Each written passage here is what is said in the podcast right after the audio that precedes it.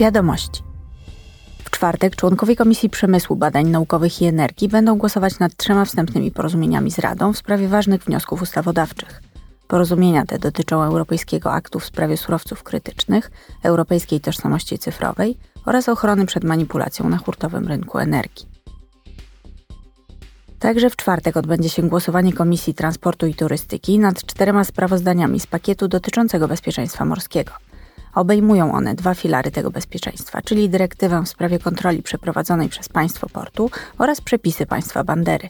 W ramach kontroli przeprowadzanej przez państwo portu chodzi o sprawdzenie, czy zagraniczne statki spełniają warunki przewidziane w przepisach międzynarodowych.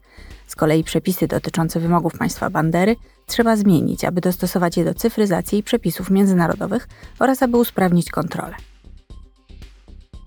Wczoraj obchodziliśmy Międzynarodowy Dzień Osób z Niepełnosprawnością. Na całym świecie żyje miliard osób z niepełnosprawnością, a 80% z nich mieszka w krajach rozwijających się.